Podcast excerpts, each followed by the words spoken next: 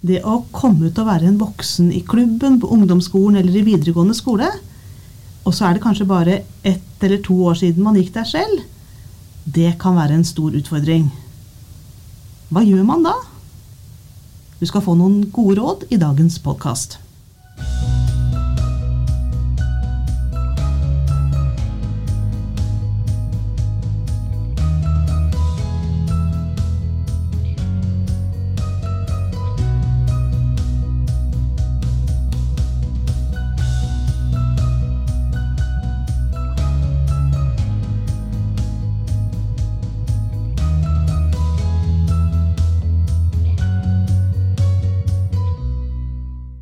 Hei.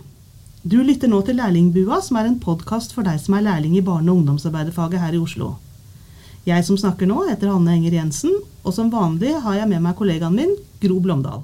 Vi som jobber ved opplæringskontoret, får høre av noen av dere som skal ut i ungdomspraksis, at dere gruer dere litt, og at dere spør om gode råd.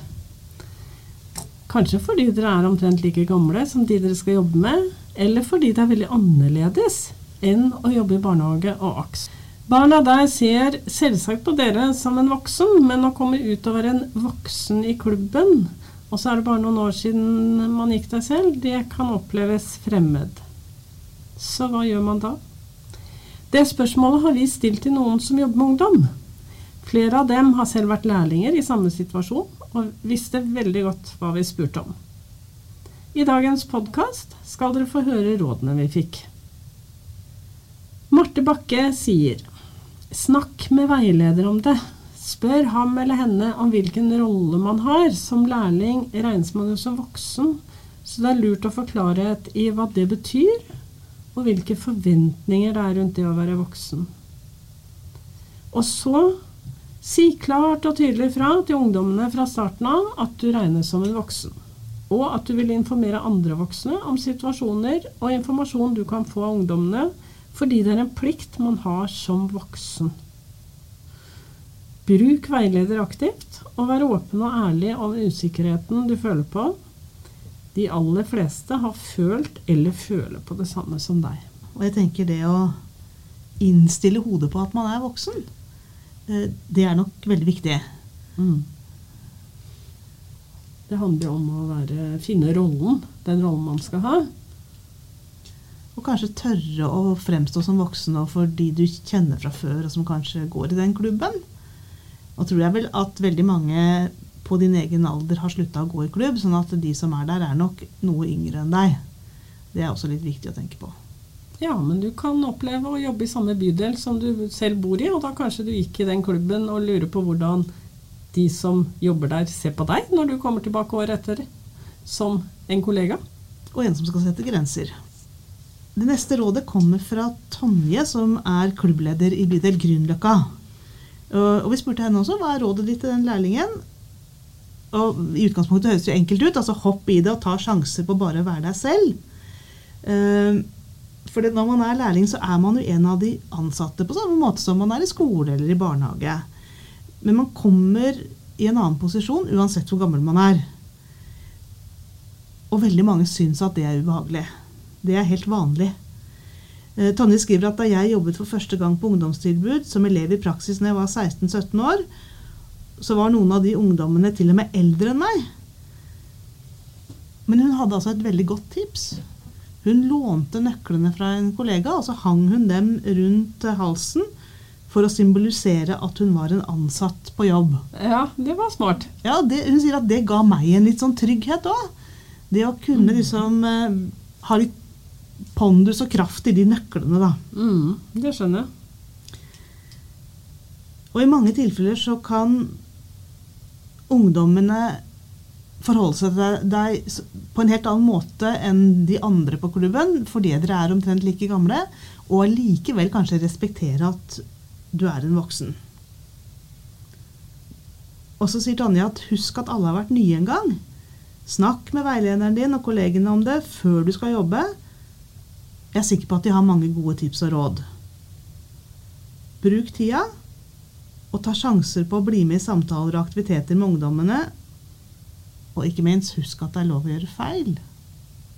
Ja. Det er viktig.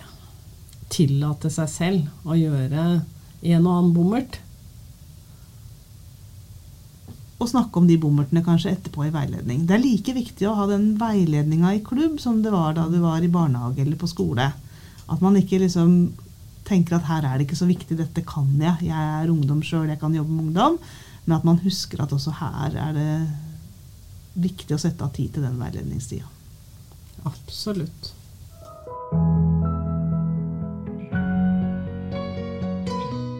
Så har vi fått et råd fra Karoline Bjerga. Hennes eh, råd eh, er det er helt vanlig at lærlinger er nervøse og spente på det å jobbe i klubb. Når man jobber med unge, er det viktig å skape en relasjon.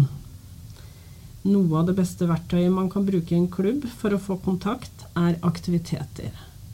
Og det er jo aktiviteter gjør man jo mye av i klubb, så det var, eh, tenker jeg var et godt tips. Så skriver Karoline videre når man holder på med en felles aktivitet, så oppstår det ofte samtalene naturlig, og det er også rom for en naturlig stillhet. Og det er jo ikke så farlig. En naturlig stillhet som eh, oppstår mens man holder på med noe, det føles ikke så ubehagelig. Så på forhånd kan du jo tenke gjennom hva slags interesser du har. Hva liker du å drive med? Bruk det i møte med ungdommene. Ved å gjøre det finner man noe til felles som kan skape grobunn for relasjon. Og så sier Carolina også at 'jeg er veldig interessert i søm og har brukt dette i møte med ungdommer'. Det har skapt gode og viktige samtaler om f.eks. For eget forhold til kropp, om selvfølelse og om fokus på hvor forskjellige våre kropper er. Og det er jo sånne viktige samtaler, tenker jeg, når du jobber med ungdom. Mm. Og så tenker jeg at de tingene eh, Når du ikke har holdt på så lenge mm. og er fersk, så må du ha tenkt gjennom dette litt på forhånd. Du må ha forberedt deg på disse samtalene, forberedt deg på hva du skal si. Kanskje snakke med eh, veilederen din om hvordan får man i gang samtaler med ungdommer. Mm. Altså, og, og, hvor styrer du den? Hva vil du med f.eks. det å holde på med søm? Og så tenker jeg noe av det kommer til å gli naturlig, sånn som, eh, sånn som hun sier her. At, eh, at man, det oppstår samtaletema, ting man vil ta opp idet man sitter og jobber med noe helt annet. Ikke sant. Og Karoline kommer også med flere eksempler på aktiviteter som lærlinger har gjort på klubben eh, hos dem. Det har vært sminkekvelder, det har vært italiensk kveld, det har vært brettspillkveld, matlaging sammen med noen ungdommer, og det har vært quiz. Ved å åpne opp og vise ungdommer en aktivitet som man selv er interessert i, så blir de kjent med deg gjennom aktiviteten. For det er jo ikke sånn at det bare er du som skal bli kjent. De skal jo også bli kjent med deg. Så uh, ifølge Karoline så er dette gull verdt. Og jeg tenker kanskje det er den aller viktige biten med det å, å, å jobbe med ungdom. Det at de skal bli kjent med deg, skal bli trygg på deg. og og ungdom bruker kanskje lengre tid på akkurat det der å se er du til å stole på. Er du en jeg vil investere tid i? Uh, lytter du på meg? Den type ting, da. Ja, så man må by på seg selv, rett og slett.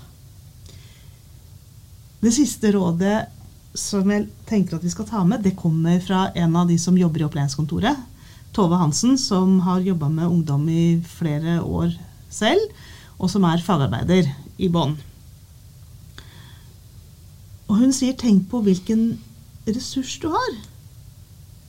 Det kan jo være en fordel dette det å være nær i alder. Du kjenner kultur, språk, musikk osv. Kanskje har du mer digital kompetanse enn de andre som jobber i klubben.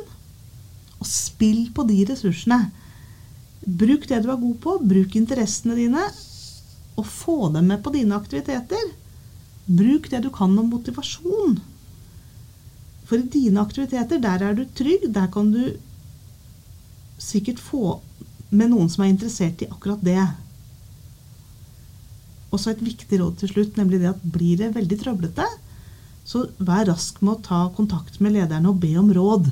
Mm. Ikke gå alene med ting som oppstår, men, men, ta det opp. Snakk med de andre på formøter og ektemøter. eller Snakk med veilederen din. Vi har i dag snakket om å føle seg trygg i voksenrollen når du jobber med ungdom. Husk at du finner støttemateriell til denne podkastepisoden i OLK.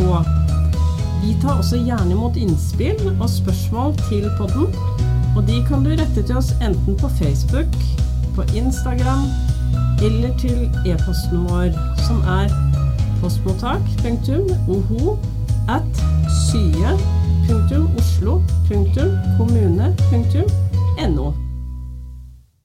Ny